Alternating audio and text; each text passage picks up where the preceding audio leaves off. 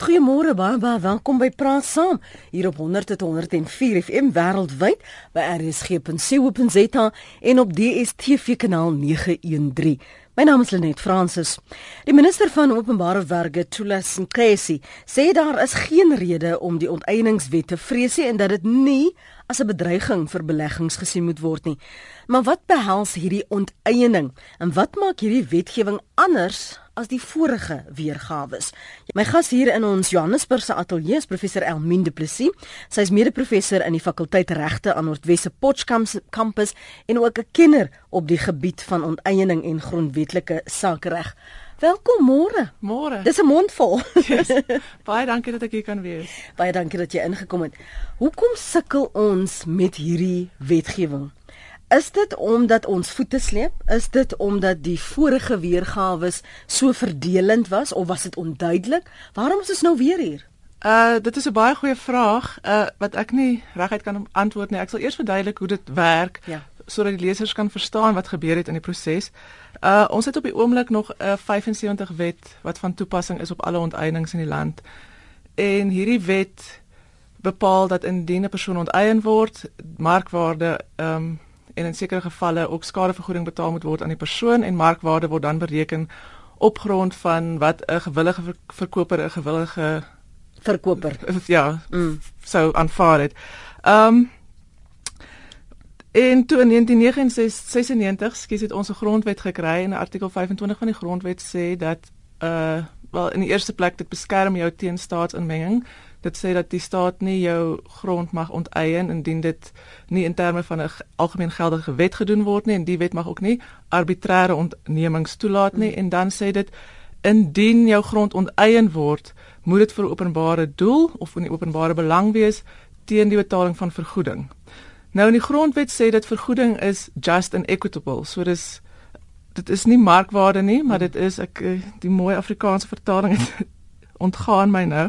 Regverdig en billik ekskuus en billik ja. En dan lys dit vyf faktore nie beperk tot die vyf faktore nie maar dit lys vyf vyf faktore wat die hof in ag kan neem indien hulle vergoeding bepaal waarvan markwaarde net een is. So wat dis gebeur het is ons het 'n ou wet wat sê markwaarde moet betaal word by onteiening en dan het ons 'n nuwe grondwet wat sê artikel 25 is regverdig en ehm um, en billike vergoeding mm. en nie net markwaarde nie. So die twee het nie lekker ooreengestem nie So dit is nou omtrent 21 jaar gevat om uit te kom by 'n plek waar ons 'n wetsontwerp het wat basies die grondwetlike vereistes ehm um, inkorporeer in onteiening. Mm -hmm. Dit beteken nie dat die afgelope 21 jaar die staat nie kon onteien het teen billike en regverdige vergoeding nie. Ek dink dit is wat baie mense vraag, nie verstaan ja. nie, want as jy 'n uh, grond 'n uh, interpretasie doen van wetsuitleg van 'n grondwetlike oogpunt moet ons onthou die grondwet in 1996 mm. die oppergesag geword in ons land. Dit is nie meer die parlement nie, so die grondwet. Ons kry ons rigting van die grondwet af as ek dit so kan stel. So dit was nog altyd moontlik van 1996 vir die staat om grond te onteien en nie noodwendig markwaarde daarvoor te betaal nie. Kan ek op daai punt yes. gou voordat jy die die ander waar ons nou is en waarom ons nou hier is, uh, verduidelik die dit toe dit wel gebeure die gewillige koper gewillige verkoper is daar en het ons gehoor van baie eienaars wat gesê het maar dit was nie billik nie en dit was nie regverdig nie. Ek het gevoel ehm um, daar was baie druk op my. En dan het jy weer die teendeel gekry wat ander wat die regering weer gesê het ons het buitensporige uh, uh, geld betaal vir plase wat dit nie die moeite werd was nie Okay. So waar waar laat dit? Daar is 'n probleem 'n probleem uh, skus 'n probleem wat ek ook wil sê is mense moet nie dink onteiening is uniek aan Suid-Afrika nie. Meeste demokratieë in die wêreld het die stadium mag om jou grond te onteien vir 'n openbare doel, soos die bou van paaie, soos die bou van skole ensovoorts. Ehm um, in uit die aard van die saak gaan mense altyd ongelukkig wees want jy is nie eintlik 'n gewillige verkoper nie. Jy word geforseer om jou eiendom te verkoop. En in meeste lande sal die staat ook nie vir jou vergoed vir daai ongerief wat jy het. Jy kry 'n klein solatium in Suid-Afrika, dit word op 'n persentasie tot 'n maksimum van 10000 dink ek bereken. So jy kry 'n klein eh, vergoeding vir daai ongemaklikheid, maar dit bly 'n geforseerde verkoop waaraan jy nie kon deelneem nie. Maar I mean, so, ekskuus tog jammer met hom. Ja. Hoe hoe reg ver nie reg regs aanvegbaar is dit? As ehm um, daar vir jou gesê dit is in openbare belang dat ons nou jou uh oormerk of jou plaas of jou grond. Okay, maar nou ek wil net ek wil net die gewone onteieninge onderskei van die onteieninge wat in terme van grondhervorming plaasgevind het. So gewoonlik as jy onteien is daar 'n magtigende wet soos die uh Sanral padwet wat sê die staat mag jou grond onteien vir 'n pad en dit gee gewoonlik vir jou 'n openbare doel. Mm. En ek dink daar's bitter mense, min mense wat sal kan argumenteer dat om 'n pad te bou vir alles te groot nasionale pad is is nie in die openbare doel nie. Dan kry jy jou grondhervormingswetgewing en hierdie wetgewing laat dit bemagtig ook die minister om grond te onteien vir grondhervorming doeleindes. Meeste mense wat vir gewone redes onteien word soos paaie en skole is die idee wat ek kry jy kan nog steeds na die hof toe gaan as jy ongelukkig is oor die vergoeding maar dit is 'n redelike run of the mill as ek dit so kan sê proses wat gebeur en daar's gewoonlik nie baie probleme daarbey nie. Die probleem met ehm um, die hervorming. Die hervorming is mense is baie sensitief daaroor, maar van die boere met wie ek gepraat het veral daar in Noord KwaZulu-Natal het gesê die staat het vir hulle so goeie aanbod gemaak wat hulle nie kon weier nie. So baie boere sal dit erken, maar ek moet ook baie sê as die staat vir jou 'n aanbod maak om dit te koop, is dit nie onteiening nie. Dit is dalk gedoen met die dreigement van onteiening, maar dit is dan 'n verkoop in die oop mark dan met die bedreiging van die onteiening, maar die hoeveelheid plase, ek is nog op soek na spesifieke statistiek, maar van wat ek gehoor het was daar omtrent nog net 5 tot 8 plase vir grondhervorming doeleindes in Suid-Afrika um onteien en meeste van daai mense het markwaarde gekry. Yes. So waarom al hierdie vrese? Waarom die vergelyking, voortdurende vergelyking met ons gaan wees so Zimbabwe, dis waarheen ons op pad is. Ek dink die groot probleem is dat die implementering van die grondhervorming wetgewing en dit is nie die onteiening wetgewing nie, dit is die grondhervorming wetgewing was nie baie effektief gedoen tot op datum nie. So hmm. of die staat het soos 3 jaar terug een groot restituisie eis betaal van 1 miljard rand en dan is die staat bankrot of die staat het grond ehm um, gekoop vir herverdeling en dan het hulle nie die boere daarna genoeg ondersteuning gebied nie en al daai projekte het gefaal of nie almal nie maar hmm. meeste van hulle. So ek dink dit gaan oor die implementering van die wetgewing en dan ook hoe die staat seker maak dat mense daarna suksesvol kan boer. En ja. en wat sê die boer met wie jy gesels het die die toe die aanbod gekom het was dit met die idee dat die staat dit weer sou aanwend ook as 'n landbougrond in die meeste gevalle grond? ja maar wat die staat die ekskuus ek moet in Engels dink en in Afrikaans vertaal maar die ondersteuning wat die staat bied aan die boere na die tyd is nie altyd voldoende nie mm. En daar's ook nie genoeg ek bedoel baie mense weet hoe om te boer maar as jy nie genoeg opleiding het want dit is eintlik maar 'n kommersiële bedryf as jy nie genoeg opleiding het nie en ook nie genoeg ondersteuning het nie, dan raak dit baie moeilik, veral in ons huidige situasie ja, met die droogte. droogte. Ons praat vanoggend oor uh, wat hierdie onteiening en ek, ek plaas onteiening in aanhalingstekens, ehm um, want almal interpreteer dit verskillend, soos jy uitgewys het hierso professor Elminde Plesseer uitgewys dat daar is verskillende soorte onteiening waarvan ons praat en vir watter doel daarvoor ook. So as jy wil saamgesels, as jy baie welkom om dit te doen. 0891104553 dan verstaan jy dit ook nie uh, so mooi duidelik soos Elminde dit uiteengesit het nie. Jy is welkom om ook 'n SMS te stuur na 34024. Uh, elke SMS kos jou R1, veral ook as jy uh, glo dat jou um, grond uh, geoormerk word vir um, hierdie proses en as jy welkom om uh, insette te lewer of dalk ook uh, met uh, ons gaste te praat en duidelikheid te kry oor hoe dit gaan werk. So nou is ons hier en daar was in die verlede baie beklei oor ehm um, wat is 'n gewillige verkoper en en 'n 'n koper en 'n verkoper, ehm um, die aanbod wat gemaak is, hoekom my grond Maar nou soos hier waar daar duidelik daardie probleme is aangespreek. Wat nou? Is die proses wat nou moet volg. Parlement het dit aanvaar. Ehm um, kan die NCOP uh, veranderinge daaraan uh, maak? Uh, wat is die veranderinge wat vergelyking met die vorige weergawe was wat aangebring is in hierdie nuwe een?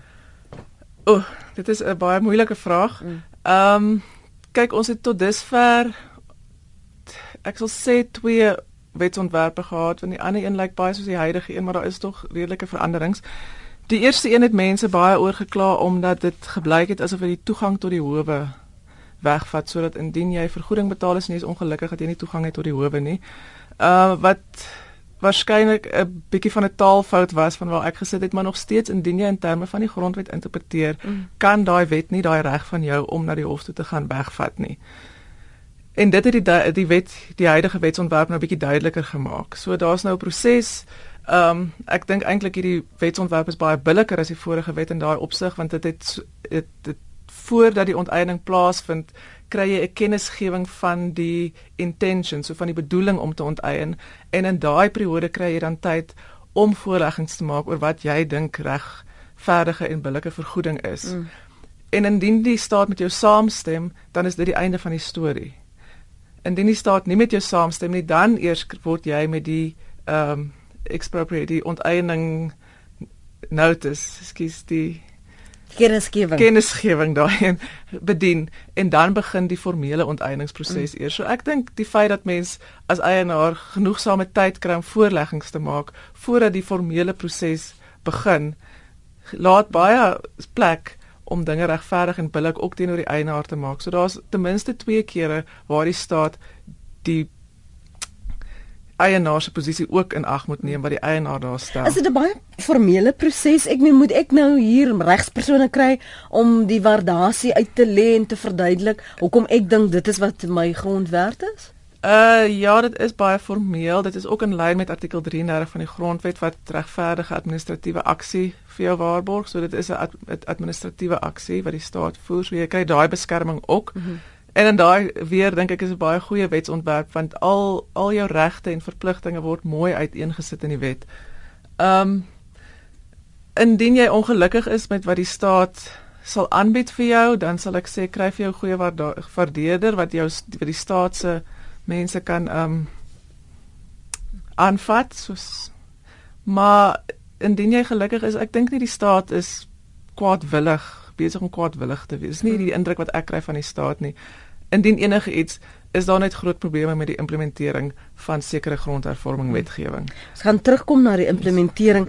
Ehm um, ons wil ons luisteraars geleentheid gee om saam te gesels en ons gaan nou-nou terugkom na die oproep as jy nou dit beantwoord het waar die ander uh, hakplekke was wat in die pad gestaan het want ons het nou net eers gepraat oor die reg tot howe dat daar remedies sou wees regsremedies. Kom ons hoor wat het Abraham op die hart en hy's lyk like vir my in die Krassie Park. Môre Abraham. Goeiemôre Lenet, ek probeer nou vir die laaste maand om in kontak te kom met u. Uh, hoe gaan dit met u? Goed en jy, Abraham? My gaan dit steeds deur die genade van die Here, maar net ek is baie ontevrede oor maar hierdie grond wat ons verloor was getydens die apartheid era nie in die huidige uh, uh, uh, politieke uh, bedeling nie. My vader het 10 erwe verloor.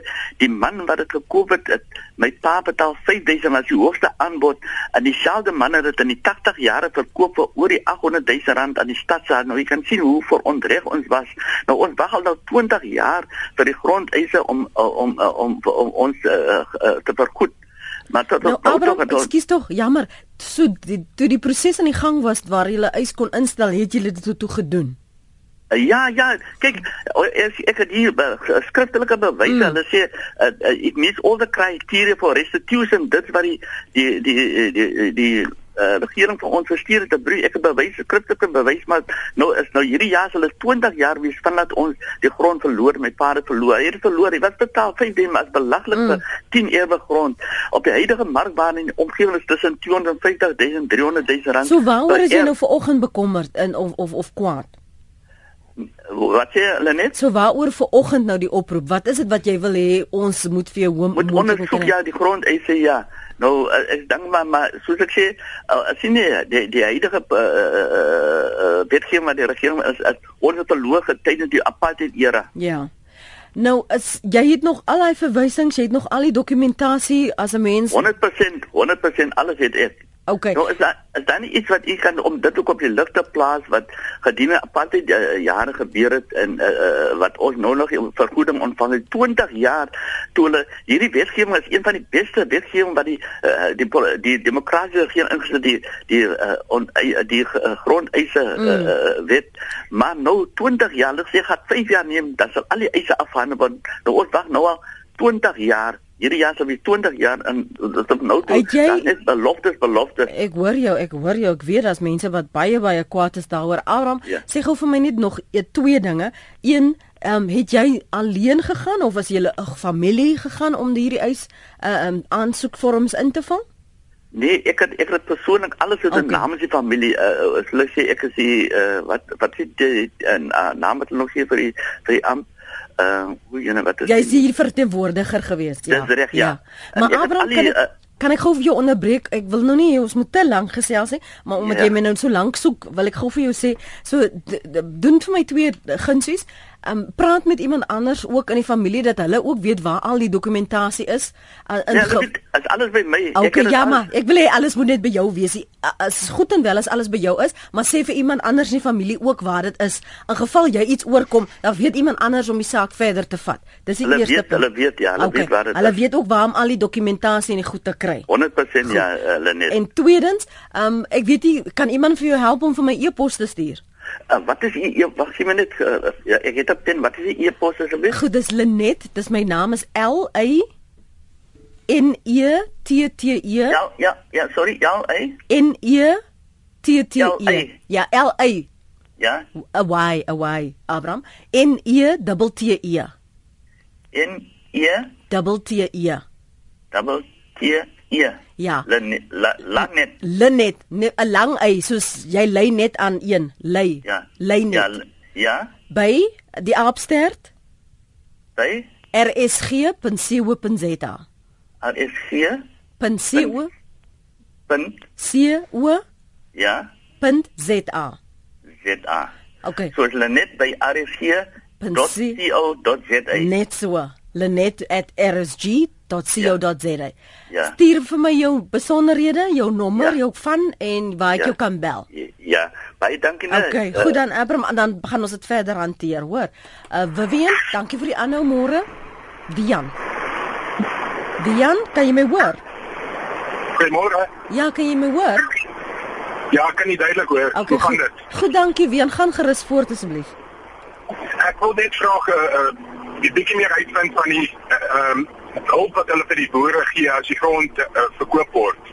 Is dit net slegs van toepassing op die mense wat deur die grondhervormingsproses die hulp die die grond bekom of is dit van toepassing op alle boere veral in die lig gesien van hoe um die droogte al die boere vandag knel en uh, ek is seker dat finansiële hulp eerder vir die huidige boere aangewend kan word in plaas van om iemand van kan mens sê van scratch af nie te laat begin en dan met die droogte wat ons op hierdie stadium ervaar dink ek is die bestaande infrastruktuur meer belangrik as om 'n nuwe een daar te stel. Okay, ek wil net meer van uitvind daaroor. Ek wil net duidelikheid kry na watter hulp jy verwys. Ver, bedoel jy die droogte hulp wat uh, sommige boere op die oomblik kry of verwys jy spesifiek na die finansiële hulp van wat in hierdie hervormingsproses um in die grondeise proses na verwys word? Die finansiële hulp, want ek bedoel om 'n nuwe plaas op hierdie huidige stadium van die been af te bring gaan vir jou baie meer kos as wat jy probeer met die huidige infrastruktuur net aan die gang te hou en dan as die droogte verby is, dan sal ek sê ja, by all means gee nuwe mense ook geleentheid om finansiële hulp.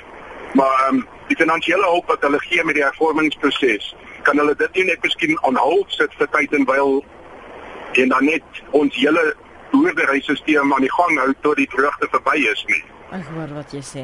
Dankie Wian. Maar ons praat weer van twee verskillende prosesse en departemente.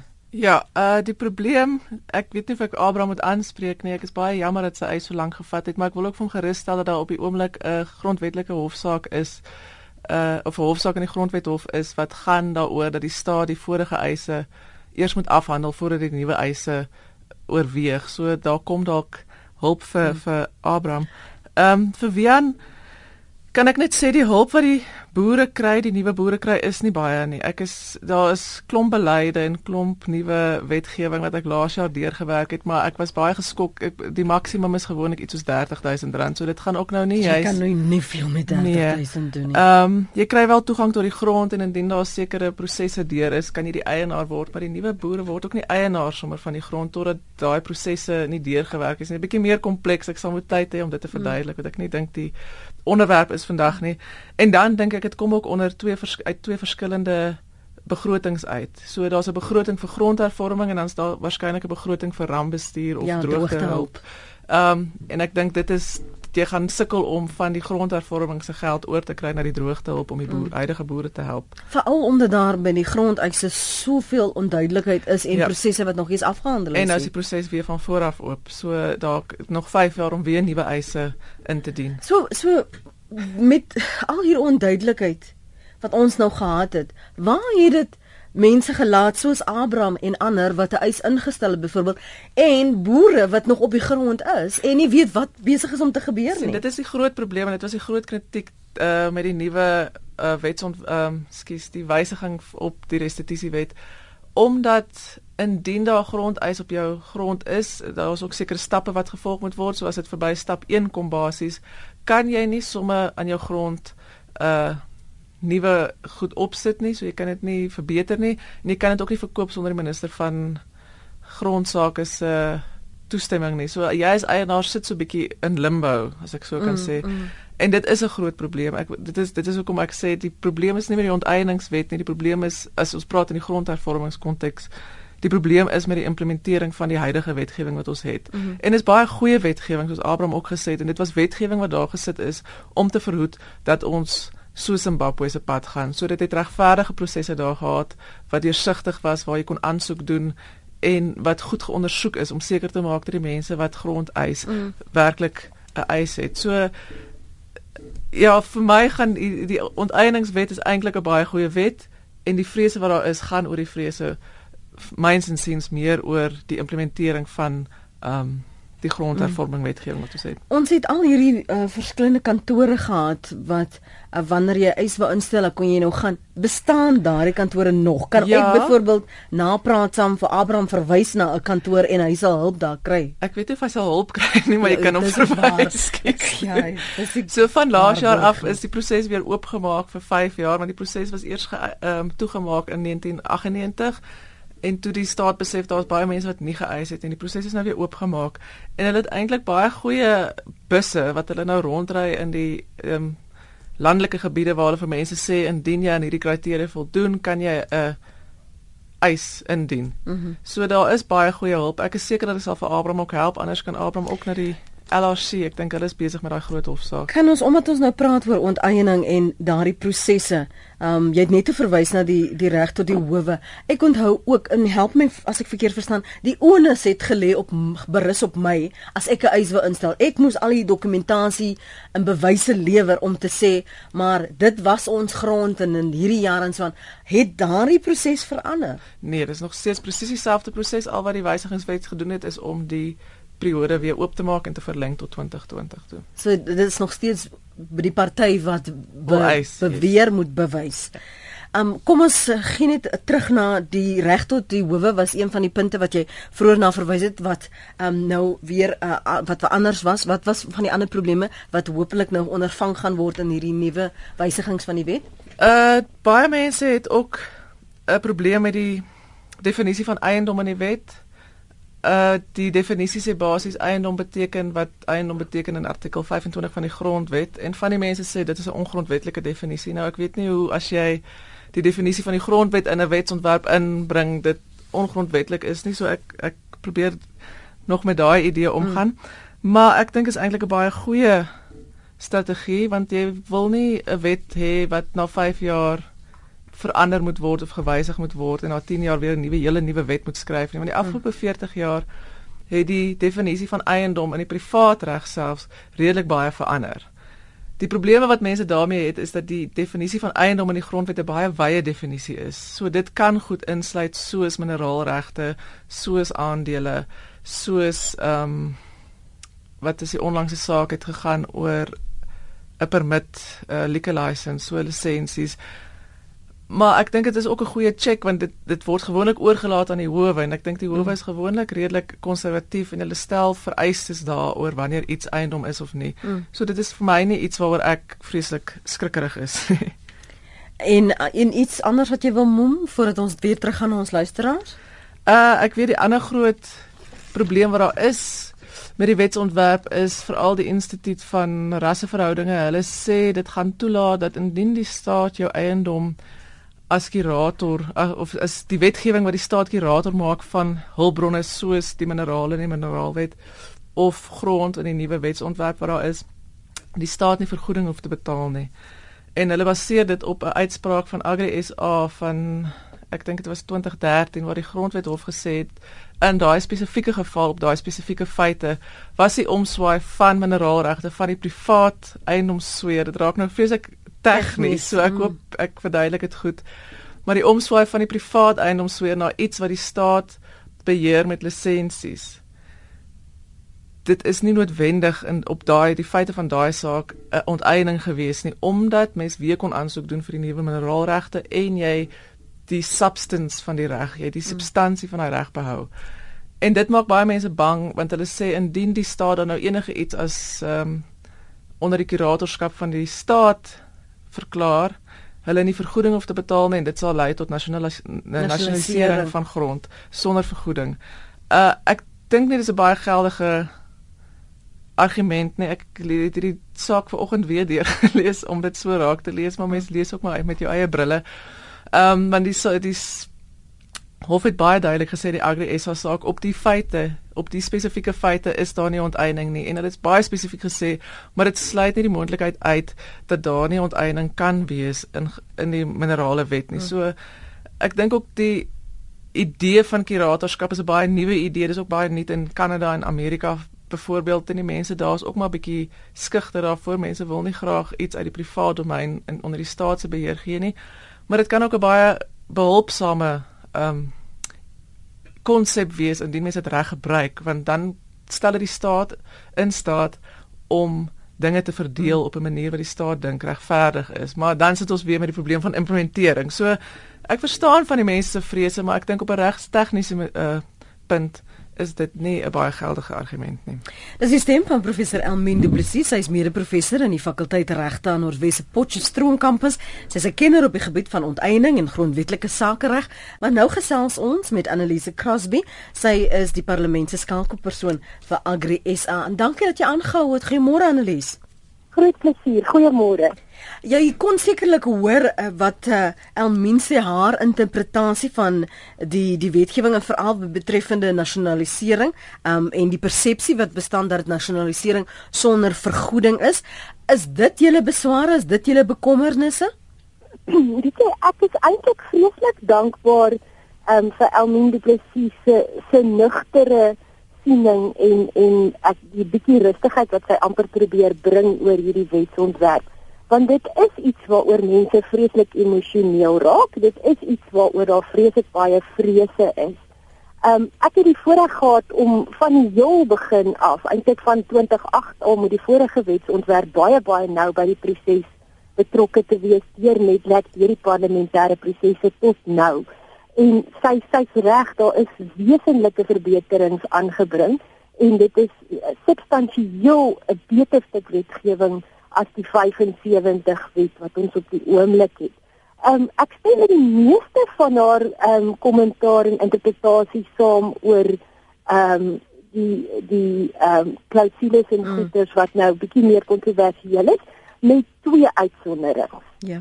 Um wel, die een is iets wat ek glad nie aangeraak het nie en dit is eintlik op hierdie stadium in tyd ons grootste bekommernis en dit gaan oor die definisie van onteiening. Mhm. Ehm um, nou daar die die definisie ehm um, was nie in die weergawe van die wetsontwerp wat gepubliseer is oorspronklik vir kommentaar nie en ook nie in die een wat vir netwerk was of selfs die een wat ter tafel gelê is in die parlement nie.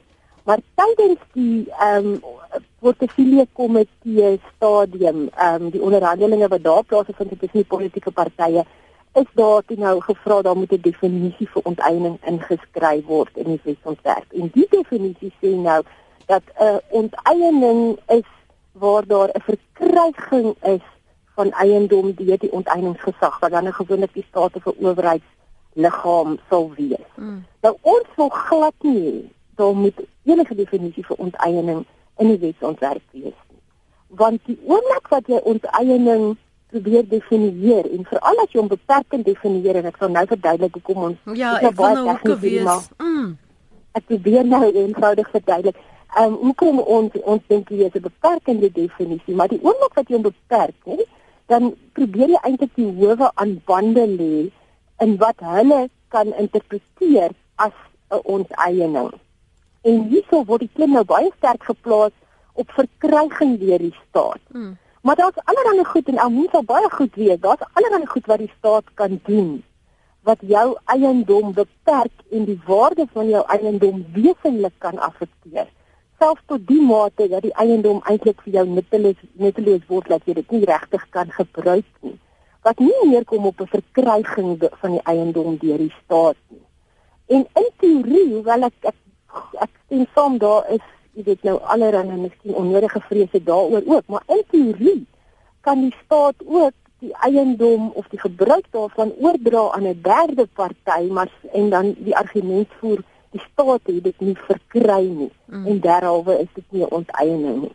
So ons wil hê daai definisie moet basies uitgeskryf word uit die ah. wet dat ons weer teruggaan na die vorige weergawe waar ons nie so definisie was. Annelise, kan ek ek sies nog op baie punt net gou onderbreek. Ek gaan nou vir jou toelaat om te reageer op die tweede uh, uitsluiting waarna jy verwys het.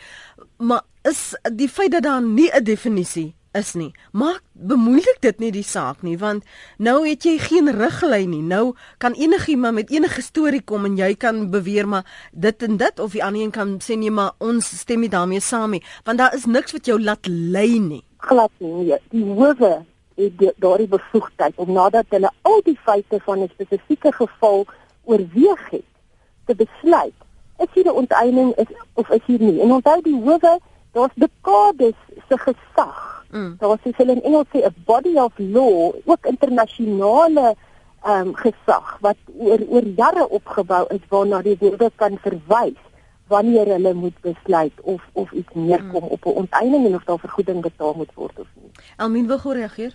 Uh ja, dankie dat jy dit uitgewys het. Uh, Annelies, ek het uh, vergeet om dit ook te noem. En jy is heeltemal reg wat jy daar sê, die ek stem ook nie saam dat mense is, is vaste definisie vir 'n onteiening moet hê nie, want onteiening is meer as net 'n verkryging deur die staat. Maar ek dink op hierdie punt is daar twee roetes wat mens kan volg. Jy kan of die Amerikaanse roete volg. Die Amerikaners het iets wat hulle noem regular regulatory takings wat basies daarop neergaan dat indien 'n regulasie of 'n wet so inbreuk maak op jou eiendomsreg daar vergoeding betaal word. So dink ek byvoorbeeld die een saak het gegaan oor 'n treinstasie wat nie bo op verdiepings kon gebou het nie as gevolg van sekere regulasies wat verbied het dat die treinstasie meer as 3 verdiepings mag bou en die men die eienaar het daar geargumenteer maar dit neem iets weg van my beperk my eiendomsreg so baie dat jy vir my vergoeding moet betaal. Die probleem wat ek het met die Amerikaanse benadering byvoorbeeld is dat niemand weet op watter punt word vergoeding nou eintlik geverg nie. En dit is 'n groot gemors in die Amerikaanse reg. Ek het 3 jaar gesukkel om sin te maak daarvan. Die ander opsie is om die Duitse roete te volg wat sê iets is of 'n onneming of 'n onteiening. Uh nie so baie klem nie, maar tog baie klem op verkryging. Mm -hmm. En indien 'n wet so baie inbreuk maak op jou eiendomsreg dat jy dit nie meer kan gebruik nie, moet mens eerder kyk of die wet nie ongrondwetlik is nie. En dan het die Duitsers natuurlik slim soos wat hulle is, uh iets soos 'n uh, vergoeding, maar dit is nie vir onteiening nie, dit is vir die die inbreukmaking van wat die wet veroorsaak indien die wet op sigself nie eintlik ongrondwetlik is nie. Hmm. Ek dink ek verduidelik so mooi nie, maar artikel 25.1 van die grondwet sê 'n ontneming mag nie moet in terme van 'n algemeen geldige wet wees en dit mag nie arbitrêr wees nie. So indien mense voel dat 'n ontneming van jou eiendomsreg ehm um, arbitrêr gedoen word in terme van 'n algemeen geldige wet of indien die wet nie algemeen geldend hmm. is nie, sal daai wet ongrondwetlik wees eerder as om te sê maar betaal nou vergoeding. Ja. Ja, nee, dit is heeltemal korrek. Ons wil net hê daai deur vir die moontlikheid van mm. ontwikkeling in ons reg in daai rigting wat jy ja, nou van gepraat het. Dit is nogal tegnies. ja. Ek hoor jou. En die tweede punt Annelies wat jy nou die insluiting die, die, die tweede punt is nie seker 'n reg tegniese punt nie, maar dit gaan oor die hele kwessie van vergoeding en en wat is nou billike en regverdige vergoeding? Ons aanvaar jy weet die grondwet sê dit moet billike en regverdig wees en dit noem daai vyf faktore wat in ag geneem kan word. En dit is nie net daai vyf faktore nie, dit is eintlik 'n oop lys van faktore. Die hof kan enige iets in ag neem hmm. daarso. Ehm um, maar ons sê daar's ook jy weet baie bepaalde praktiese en en ekonomiese realiteite wat inspel op daai hele situasie. En dit kom veral na vore wanneer jy nou praat van mense wat verbande oor hulle eiendom het. Ehm um, en jy weet die die risiko dat 'n tipe van 'n situasie kan ontstaan dat iemand het 'n verband en nou is die vergoeding aan die einde van die dag minder as markwaarde en is ook nie genoeg om die verband te dek nie. Jy weet en en wat gebeur nou? Moet hierdie ou nou eintlik inbetaal as sy grond nou al klaar weggevat is van hom of wat ook al? So dit kan as daar 'n praktyk sou ontstaan nou om substansieel minder as markwaarde te betaal ons nie dis wat gaan gebeur nie die die adjunkminister het baie duidelik nou al 'n paar keer gesê kan selfs meer as markwaarde wees onder sekere omstandighede. Maar as dit so geïmplementeer gaan word um, dan kan ons in 'n baie groot ekonomiese risiko inhardloop met ons finansiële instellings wat nie meer gaan maklik verbande en goederes wil gee nie, mense wat nie maklik geld gaan kan leen op krediet dan ensovoorts. So ons sê ons waarsku eintlik ook net dat in die bestuur van hierdie hele ding, hmm. ehm um, moet daar ook 'n sensitiwiteit wees oor hoe hierdie faktore van die grondwet dan nou gaan uitspeel en geïmplementeer moet word, laat dit nie uiteindelik skade aan ons hele finansiële stelsel en ons ekonomie doen.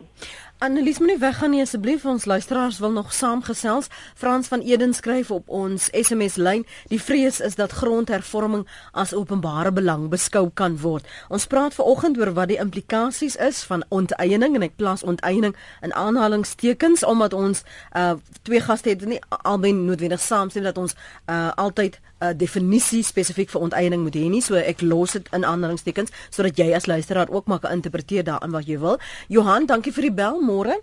Goeiemôre. Uh, ja, uh, Lenet. Ek skakel met Johan Jansen. Ek wil nou ek het nou 'n vraag vir Elmien en en, en so voort dat ek nou net wil hoor. Ek het nou in 94 was ek nou skaars 12 jaar oud en ek het nou dan nou nou nie grond geërf of enigiets nie. Ek het nou uh, maar 'n bietjie geld gespaar en ek wil vir my 'n lappie aarde koop. Ek wil nou graag weet, hoe gaan ek nou te werk om te weet die lappie aarde dan nou nie 'n grond eis op hom nie mm. of laat hy dalk een gaan hê nie want hoe koop ek nou 'n lappie aarde by iemand? En dan later van tyd dan wil hulle by my kom en die grond kom eis waar ek dan nou nie eens die grond geërf het of eers geweet het van die geskiedenis van die grond of hoe gaan 'n mens te werk mm. as 'n mens so wil maak? Hoe beskerm jy jouself teen moontlike eise? Dis korrek. Is daar is daar dan nou 'n manier laat die mense my 'n sertifikaat kan gee wat vir my gesê die lappie aarde is nou nie daar's nie 'n eis op die lappie aarde laat laat jy nou kan vars begin in hierdie nuwe hmm. demokrasie laat die lappie aarde jy hom nou gekoop het en hy nou wragtig nou joune is. Eisvrij. Laat jy dan hom nou kan werk. Ja. Dankie Johan. Daar is eintlik nik almal behoort dat mens hou net so vas Almien laat ek net eers gou by Nik uitkom hy hou ook al 'n rukkie aan. Nik praat gerus. Môre net. Môre. Lenet, baie dankie vir die program en dit is 'n goeie onderwerp. Dankie. Die die saak is eintlik aan twee kante. Die regstegniese kant namens naamlik die wetlike uh, waarvan die professor 'n groot vriendie is en die dame van Agri ook baie geldige punte bring. Uh, maar daar's 'n ander perspektief. Ons leef in onseker tye.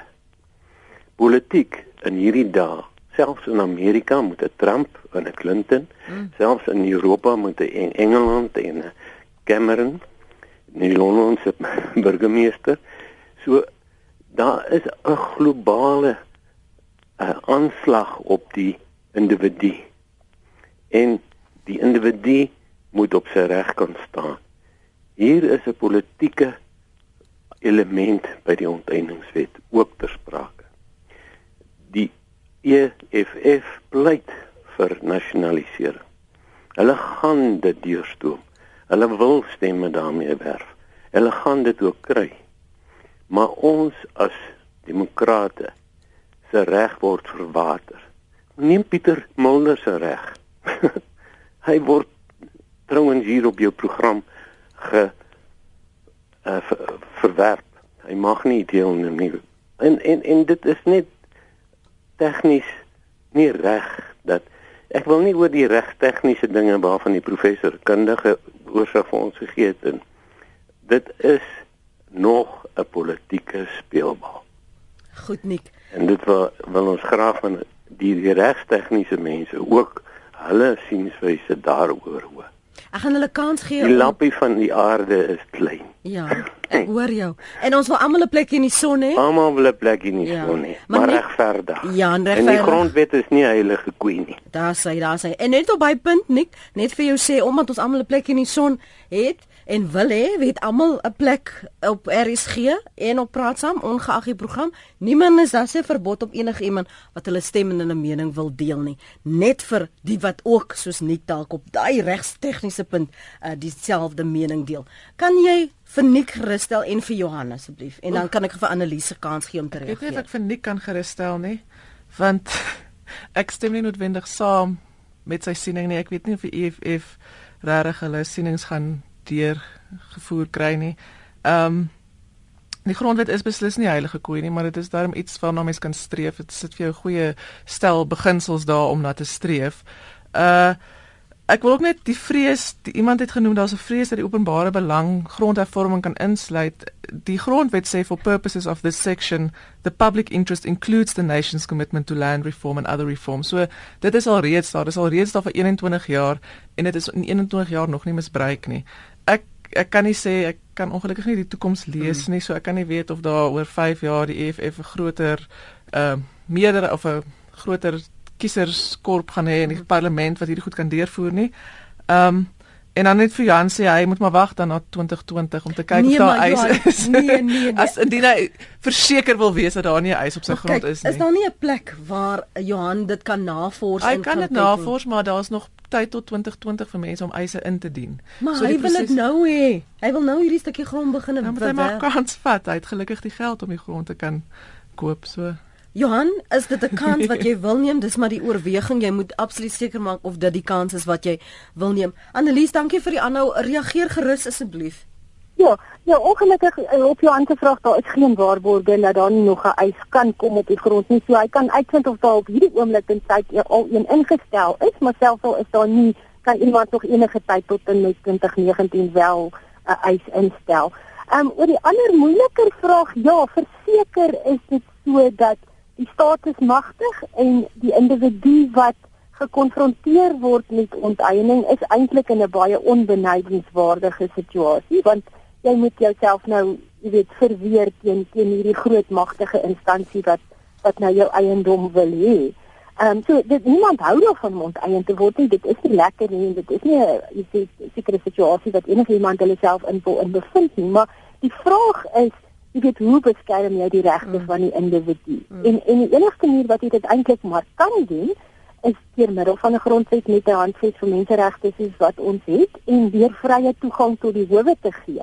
Nou ek weet die volgende ding wat mense dan sê is maar ja, dit kos geld om hof toe te gaan en nie mm. almal het die geld nie. En ek dink dis eintlik die kruks van die saak. Dis die ding waaraan ons dalk moet werk as 'n gemeenskap is om die howe meer toeganklik of of ten minste meer bekostigbaar te maak vir mense wat hulle regte in terme van die handves van menseregte moet verdedig en die owerheid wat magtig is maar wat nie altyd die hulpbronne het om dit te doen nie. Annelies, julle wil hê dat die hof as as daar 'n um, sitting is of wat daar is 'n eis dat dit 'n uh, saak tot saak hanteer moet word.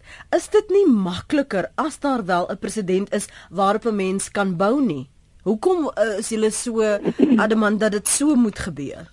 Nee, maar as ek seker maar vir presidente moet geskep word juis deur die sake wat voor die hof. Um, en organisasies soos Agri SA en en talle ander, jy weet, sal partykeer sake gaan kies en dit probeer dryf as tipe sake juis om 'n uh, presidente daar gestel te hmm. kry. Hmm. Maar maar maar die sake word uiteindelik op die feite onderskei, soos wat Elmien nou nou verwys het na die feite in die Agri SA saak. Jy weet sê geen twee sake gaan ooit heeltemal dieselfde wees nie. Ja. Selfs al het jy 'n mm. president, mm. as jy ander feite het, dan kan dit nog steeds op die feite anders mm. uitdra. In die beginsels daarvan. Annelies, kan ek net gou nog op 'n laaste punt soos die wyse waarop die wysigings nou aangebring is, soos hy nou staan. Um, deur die parlement aanvaar word nou deur die uh, spesifieke komitee verder bespreek in die inhoudelike van dit wat is die twee goed wat vir jou of twee of drie dinge uh, binne 'n minuut as jy kan aanlees wat wat jy as aanvegbaar in 'n uh, in die hof beskou as hy as hy byvoorbeeld môre aanvaar sou word en en bekragtig sou word deur die NCOP, um waar, waarmee sou jy wesenlike uh, verskil hê of of sou Agri SA 'n probleem hê? Weet jy dat daar's 'n onderskeid tussen waarmee het Agri SA 'n probleem en en wat is ongrondwetlik. Okay. Um dit is hmm dit dit ek sê dat die wet is eintlik baie verbeter en en ons is van mening dat daar in elk geval van die begin af nie eintlik wesenlike ongrondwetlike mm. goed was in die in die wet ontwerp nie. Soos ek gesê het, ons voel baie sterk oor hierdie definisie van onteiening. Ehm um, ons ons is nogal vol vertroue dat ons dit wel reggestel kan kry in in hierdie ehm um, proses vir die nasionale raad op provinsies. Mm. Ons het 'n goeie verhouding ehm um, met met die departement se se amptenare en ook met die die ehm um, lede van die komitee daarso.